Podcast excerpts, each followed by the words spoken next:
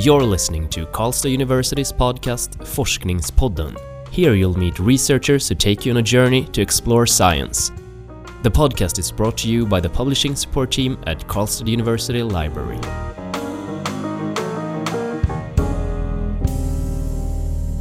Hello and welcome. Uh, my name is Magnus. And I'm Nadia. Today we will talk about mobile phone applications and more specifically about the price we all pay for using the applications, the disclosure of our pe- personal data. And uh, we are joined today in the studio by Nurul Mo- Momen, PhD student in computer science. Welcome, Nurul. Thank you very much indeed. I'm, I'm really delighted to be here. We're glad to have you here. And uh, the title of your thesis is Towards Measuring Apps Privacy Friendliness. And I think this is a very interesting choice of words privacy friendliness. Um, what does it mean? So, if you um, somehow try to chop the title into two pieces, we have uh, the measurement. So, how uh, so what do we measure? And what we measure is the app's privacy friendliness. And privacy is a topic which is uh, very individual. What's privacy worthy for me can look very ridiculous to someone else. Mhm. So you have your own preferences, you have your own nuances to understand privacy, and how the apps are accessing your data can have some impact on your individual privacy. And our goal is to measure how the apps behave, how the apps handle your information. We are no stranger to apps, we use them every day, but um, our main focus is to measure and quantify what they do, how they do it, and when they do it in order to deliver the services that we sign up for. Okay, and how do you go about in your research to do that? So we developed our own prototype app. So uh, w- and what it does is silently sits on the on the phone and keep tracks what other apps are doing. Okay. Mhm. So we m- we monitor each and every function calls of the of the other apps. So what they access, when they access, how many times they access, and was that access required for delivering the service or not. I can give you a brief example. Yeah, that would be great. Uh, um, let's say you know, we have two different weather apps, Hmm? weather app A, weather app B. So what for the weather app A, you ask the app, so what's the weather forecast for today? Okay, but in order to deliver the service, I need to know where you are. Okay, I'm here in Karlstad. You give the access, you, you hit the button, allow. I give the access to you, and in return, it gives you the weather f- uh, weather forecast for that day. Hmm. We do the same for weather weather weather app B, but it keeps track of your location throughout the day. It makes thousands of calls where you go each and every minute. Mhm. So it it is tracking you like a pack of hungry wolves. so now it's uh, it's of course individual mm, uh, individual opinion whether your location is sensitive to you or not. It's m- in my case it might be sensitive. In your case it may not. So we give the option to the user to decide whether this particular behavior, the scenario that I just told you, is privacy sensitive for that user or not. Mm. So yeah, I guess that example explains what the apps do. Whether whether you would prefer to install Weather App A or Weather App B, it's up to you. Mm. Okay. And uh, why would you say it's important to, to study this uh, topic? Very good question. Why is it important? um, yeah, we can leave the scenario as it is. Our life goes on as it is. We don't pay attention to it at all. Um, let me take you to a hypothetical scenario. Um, let's say there is an app in the app market mm, with which we can wash our hands. Mm. Yeah, let's just say, yeah, hypothetically, we can download the app, install it, and wash our hands. And we do so. We download it, install it, and we turn it off. We turn it on. I want to wash my hands with it, but it gives me a pop-up. Can I access the water? It's a very legitimate question. Mm. Yeah, of course, I need, it needs to access the water. I hit the button allow. I wash my hands. I close the app, put my phone back into my pocket. But wait a second. I didn't turn off the tap. I hit the button allow, but I didn't really turn it off. Mm. So our our investigation leads into the scenario whether we leave all these tabs open for Mm. all the installed apps Mhm. with all the running water, what happens there? So we take a closer look in there. So whether it's really worth to close the taps off or not. Mm. Okay. That's also an individual question. You you you don't have to you know be aware of anyone else, but it, it's up to you whether you'd like to take this seriously and you want to be notified about this scenario. It's up to you whether you want to close the tap or not. Okay. Uh, yeah, and I think this brings us uh, to uh, another question that I have. You, you write in your book that user data can be seen as a form of currency. Yeah. Uh, and that mobile apps are overpriced. Indeed. Uh, can you explain this a little bit more? I will again refer back to my earlier scenario. We leave the taps open. Mm. So we are using these free services. Okay, I'm, I'm, I'm getting the weather report for today, but I get it for free. But with what price? How do they make money? Obviously, there is a genie. We call it the big data. So uh, my data, your data, our data is currency. So all, all if you put all together um, this mm, millions or even billions of pieces of data together, then it's it's it's a, it's a massive entity to forecast some financial benefits. So we use those apps, we get free services, but the prices aren't defined. Mm. We don't put a constraint on how much of our data can be accessed. They can access anytime, as many times as they want. So the quantity of accessing our data isn't um, really controlled. So I see my data as my currency because I'm using free services, but it doesn't allow me to set any price or there isn't any mechanism to control it. So if I don't even uh, know the water is running, I wouldn't feel the urge to close it down. Mm. So our goal is to um, make the user hear that the water is running, and we need to uh, be really concerned about it. Mm. It's up to you whether you want to yeah, turn the knob off or not. Mm. But as a user, how could you be an influencer? Because uh, as I see apps, usually you have the choice to sign or Mhm. to not sign. Yeah. So either I will be I have an app or I don't have an app. But there's no nothing in between. There's like no gray area where can I just allow the tab is running but it's turned off like immediately when I close down the app or like you know like um, adjusting it to my own privacy. Yes, Uh, right now wantings. this scenario is a bit fuzzy, but there is mechanism. So mm, I studied the scenario only in the case of Android. I haven't Mm. studied the scenario for iOS. Okay. So, but the permission model, both are mm, Linux Unix-based permission model, and they both work in the same same manner. And in our scenario, i i- it is of course uh, possible to deny some permissions. I- it is possible, uh, but in that case, it's also a hectic opera- operation. You, as a user, I have to go back into the settings and I have to um, uh, look into the settings how w- which app is accessing what. Mm. But but um, the argument that we try to place in this thesis is that the user wouldn't have any incentive to go in there because uh, that noise of running water isn't there. Mm. So why would I bother to go into the settings and tune my own preferences? So that incentive, that motivation is absent. So what we are trying to do is to make uh, the running noise Louder. more louder, yes, so that it will um, make the users aware of the situation and motivate them to go in there and check it, what's going on.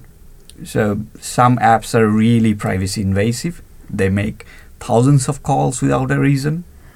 Um, just the example that I gave uh, with the weather app. Mm. And there are some apps which really um, does respect the privacy. They do make the call when it's needed, when there is a purpose. So um, this uh, study would uh, allow the user to take a look which apps are costing less, Mm. which Mm. apps are delivering the same service with a less amount of access to your user data. Mm. And there are apps which are costing way more, insanely high. So it's better to avoid them perhaps, since they are uh, giving the same same service, just the weather report for the day. So, Mm, sorry, no, sorry. just uh, because I'm I'm not sure. From my perspective, I understand exactly how how your work would impact me. Like, what is it that like the tools that you give me? Is it an app that I can use on my phone, or is it more the idea of an like tracking m- my stuff on my mobile phone? So um, mm, I would say that we are not there yet, since the title also say that towards we are going there. I ha- I am almost halfway through my journey, and hopefully we will reach there. So our goal um, is to mm, you know offer an interface where, as a user, you would be able to see how the apps behave, and based on that, you can tune your Okay. decision Mm. which app to choose. Mm. Right now, if you go in the app market, it will just show you how many stars it has and how many re- downloads it had. So those um, those metrics, they aren't really built on the security and privacy aspects. Mm. So they are not uh, built from that perspective at all. So so this kind of information can be placed into that scenario Mm. and you can um, you can identify so these these apps are really high with the privacy score Yeah. or really poor with the privacy score. So that can be um, considered as another parameter for making your decision. Do i w- really want to use this app? Or mm, no maybe not. Or i really want to this uh, want to use this app because there is no other alternative. I had to sacrifice my privacy right now we don't have that parameter Mm. right now we don't have that option um, to take a look um, how the apps behave and uh, why this uh, kind of information would influence my decision Mm. it's just not there Mm. Okay. So yeah, that's a question outside your uh, research, really. But uh, do you think the app providers will be ready to present such such inf information? Well, this would go against their business model because um, data means money. Yeah. More data, more currency. Mm. So um, that would uh, actually mm, somehow cripple some of their mechanism. Mm.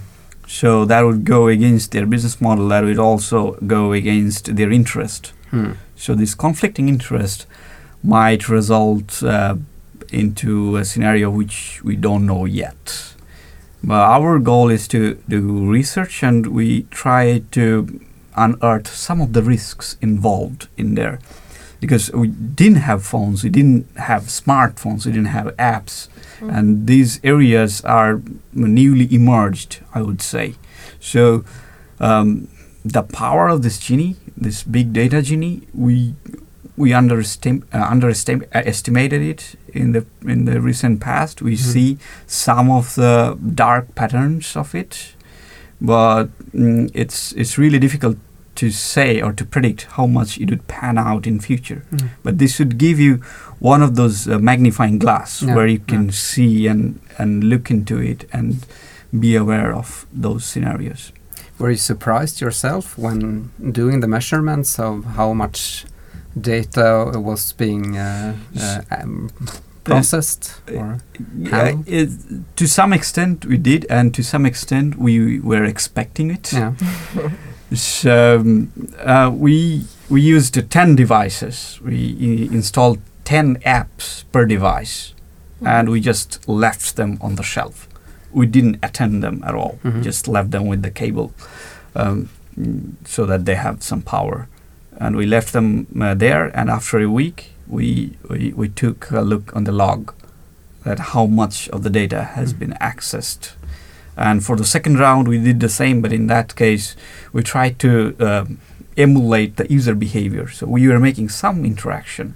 Mhm. So that discrepancy would tell us how much is exactly needed Yeah. to deliver the service since you're interacting with it, and how much of it was, you know, just for harvesting the user data. Mhm.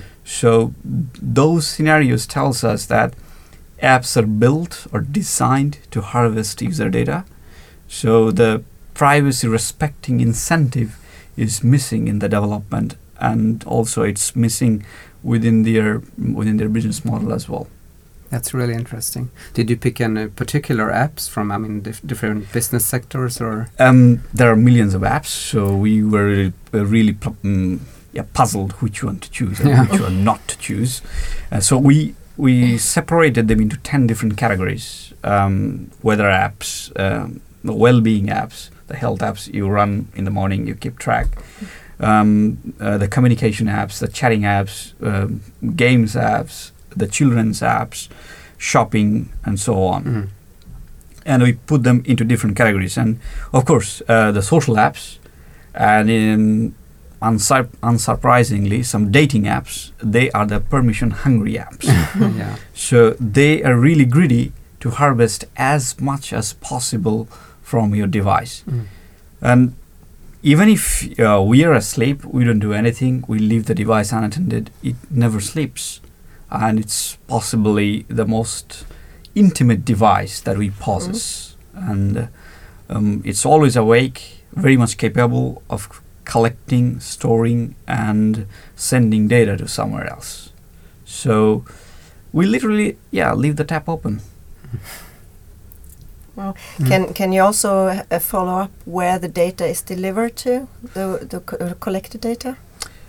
um, we restricted ourselves within that border. So as soon as it leaves, we consider it as a threat. Okay. So as soon as the data is left from your device, you don't you lose control. Mm. A, and it belongs to Mm. somewhere uh, someone else. It belongs to some other entity. So we lose it, and we don't have any control there. So we restricted our our investigation to that border Mm, okay. that as soon as it leaves, as soon as the mm, data is accessed, so we count it as a potential threat. And um, the potential of it, of course, it depends on how much of it is being accessed, whether it was a, a legitimate access Mm. or more of a harvesting purpose. Mm. So is that this uh, sort of? I mean, you're halfway through your thesis now. Uh, what will the other half of your work consist of? So we are mm, mm, right now. We are also running some student projects, and uh, this raw data. These are just machine logs. So this wouldn't make much more of a sense to anyone. So we are trying to uh, mm, build a lab infrastructure which would visualize the the scenario Mhm. that will show you. Okay, we have these uh, many apps as as the subjects, and these ones are ranking really high in terms of uh, respecting your privacy, and these ones are ranking really low in terms of respecting your privacy. So mm, uh, with with those interfaces, you can really look up there that okay whether this app would behave well according to the experiments or not. Okay. So those interfaces are also subject to testing, some usability usability test, user test, Mm. so that users um, would rate them how they would be how they would behave. Okay, and who do you hope will uh, read your thesis? Well, um, it certainly uh, raised some some alarms in, uh, to the general public how how the apps are accessing our data. Um, we had some attention from the media. It went into into some of the radios, some of the newspapers in Sweden, and uh, it al- it was also covered in the national TV. Uh, yeah, at least in the morning show, they were talking about it. So these are the social side, and beyond research arena, uh, we also discussed about it in in the in, in the thesis defense with with my opponent. This tool can be used as well as an investigative tool by the Consumer Protection Rights Agency. So, and also the European Union, we have the GDPR in place. Hmm. So we do have laws which should um, allow us to minimize the data consumption, and it's against the law right now since May, May 2020. Sorry, May 2018. 18, yeah. That the, uh, it's the law that you're supposed to have the principles installed i- within your system so that it doesn't collect more data than needed. So mm, these um, these tools can be used, you know, from the legal perspective as well as um, the evidence maker that you mm, some services were really invasive, some some services were uh, really collecting much more data than needed. Mhm. When you did your experiments, was there anything that really surprised you? Um, quite a few.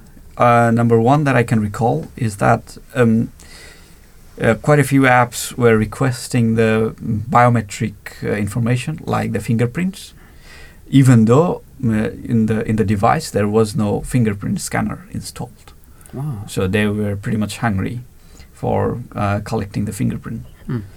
And also, mm, uh, there were some intervals where the microphones turn off, uh, sorry, turn on, and uh, it tries to listen to the surrounding environment. And uh, we are, uh, of course, yeah, carrying on uh, the data collection yeah, process and try. To, we also try to, you know, categorize the apps uh, on the red zone or the green zone or the yellow zone, and uh, it's ongoing. It's ongoing. Our results aren't out yet, but uh, some apps really, really behave um, in a privacy invasive manner. um, Especially the dating apps, mm, they try to collect each and every information that is available uh, within the sphere of the device. Yeah, the g- examples you give sounds quite scary, really. Uh, do you use app apps yourself now, or? Um, so I, I, I do run my own phone, and it's I do have installed my own own prototype in it. So uh, it it blocks all the all the way. So I do allow when I need it. So mm, that would mm, give me some freedom at least, or at least uh, some measures Mm. to do, uh, to take a preventive step against that. So, but for us who, who don't have this um, this app or a prototype, what what is your suggestion? How should we Um, apps on our phones? So uh, often, oftentimes we just make our decision to install an app spontaneously because we need it. And uh, of course, uh, uh, apps are great. I'm not against them at all because they make our lives way more convenient. We have millions of services within fingertips. That's amazing. But we forget to take a closer look what they collect. So it's it's better to take a look what the what are the permissions requested by it and is it really necessary Mm. those permissions? You can of course deny some of them. So pay m- a bit more attention to it maybe mm, uh, 15 to 20 seconds of Mhm. thinking that whether it's required or not. Um, there are some music apps let's say take shazam for an example. So you are in a club or a pub or a restaurant you like the music and you turn on this app it tells you who is the artist what album does it belong to. And of course needs to listen to it to, uh, through the microphone and fetch the information. Mm. that's all. But it requests permission to your location to your phone memory and to your calendar to your contacts. So it's it's also um, up, up to you whether this matter matters to you or not whether you feel like it's, it's privacy invasive for myself or Mm. not. And uh, those informations aren't really required for that app to deliver the service just to give you the name of the song that you love. And uh, when once they request those um, just think a bit maybe once or twice more whether you'd like um to give access to your photos which you took f- from your private life uh, Hmm. on, and they are stored on your device and just think once or twice before you allow before you allow the app to access your your information Mm. Sounds like a good advice, and unfortunately, I think our time is coming to an end. Yeah. But um, you were talking about the music apps, and I think our last question is closely related to music. We we actually wanted to know if you have some uh, favorite research music that you listen to. Mm, yeah. Um, um, so um, I have some personal, yeah, mm, music interest. Um, Um, of course, I do mm, hear some of the music uh, which are um, from my home country. I'm from Bangladesh, and I do love some of the musics, and especially the Tagore songs. Tagore is a poet and a musician, lived in early early 1920s, 1930s, and he's also one of the Nobel Prize winning poet. Um, uh, Rabindranath Tagore. So those musics are my one of the favorites and I also do listen to mm, some Irish folks. Uh, so those are also some of my uh, favorites in, in my in my playlist. And wha- what else? I um, in my in my in, in my teenage, I was a massive fan of Linkin Park, Ah, and um, uh, mm, uh, we s- with some of my friends we wanted to attend a concert of Linkin Park, but yeah, Chester said goodbye to us. and so We never made it to the concert, so that was uh, uh, hitting the rock bottom of our hearts. Uh, yeah, yeah, those are uh, some of the highlights of my music interest. All right. Thank you. Thank you very much You're for welcome. this interview Yeah, pleasure. and uh, guesting us here at Forskningspodden. And good luck with your upcoming research. Yeah, I need that. we are we're sure it will be Super fun, interesting. and we're looking forward to hopefully hosting you once you defend your I'd uh, love to. I'd love to PhD thesis. And to our listeners, thank you very much for listening and staying tuned. And we welcome you back next time. You have listened to Karlstad University's podcast Forskningspodden. The podcast is brought to you by the publishing support team at Karlstad University Library. All episodes can be found at kau.se slash forskningspodden.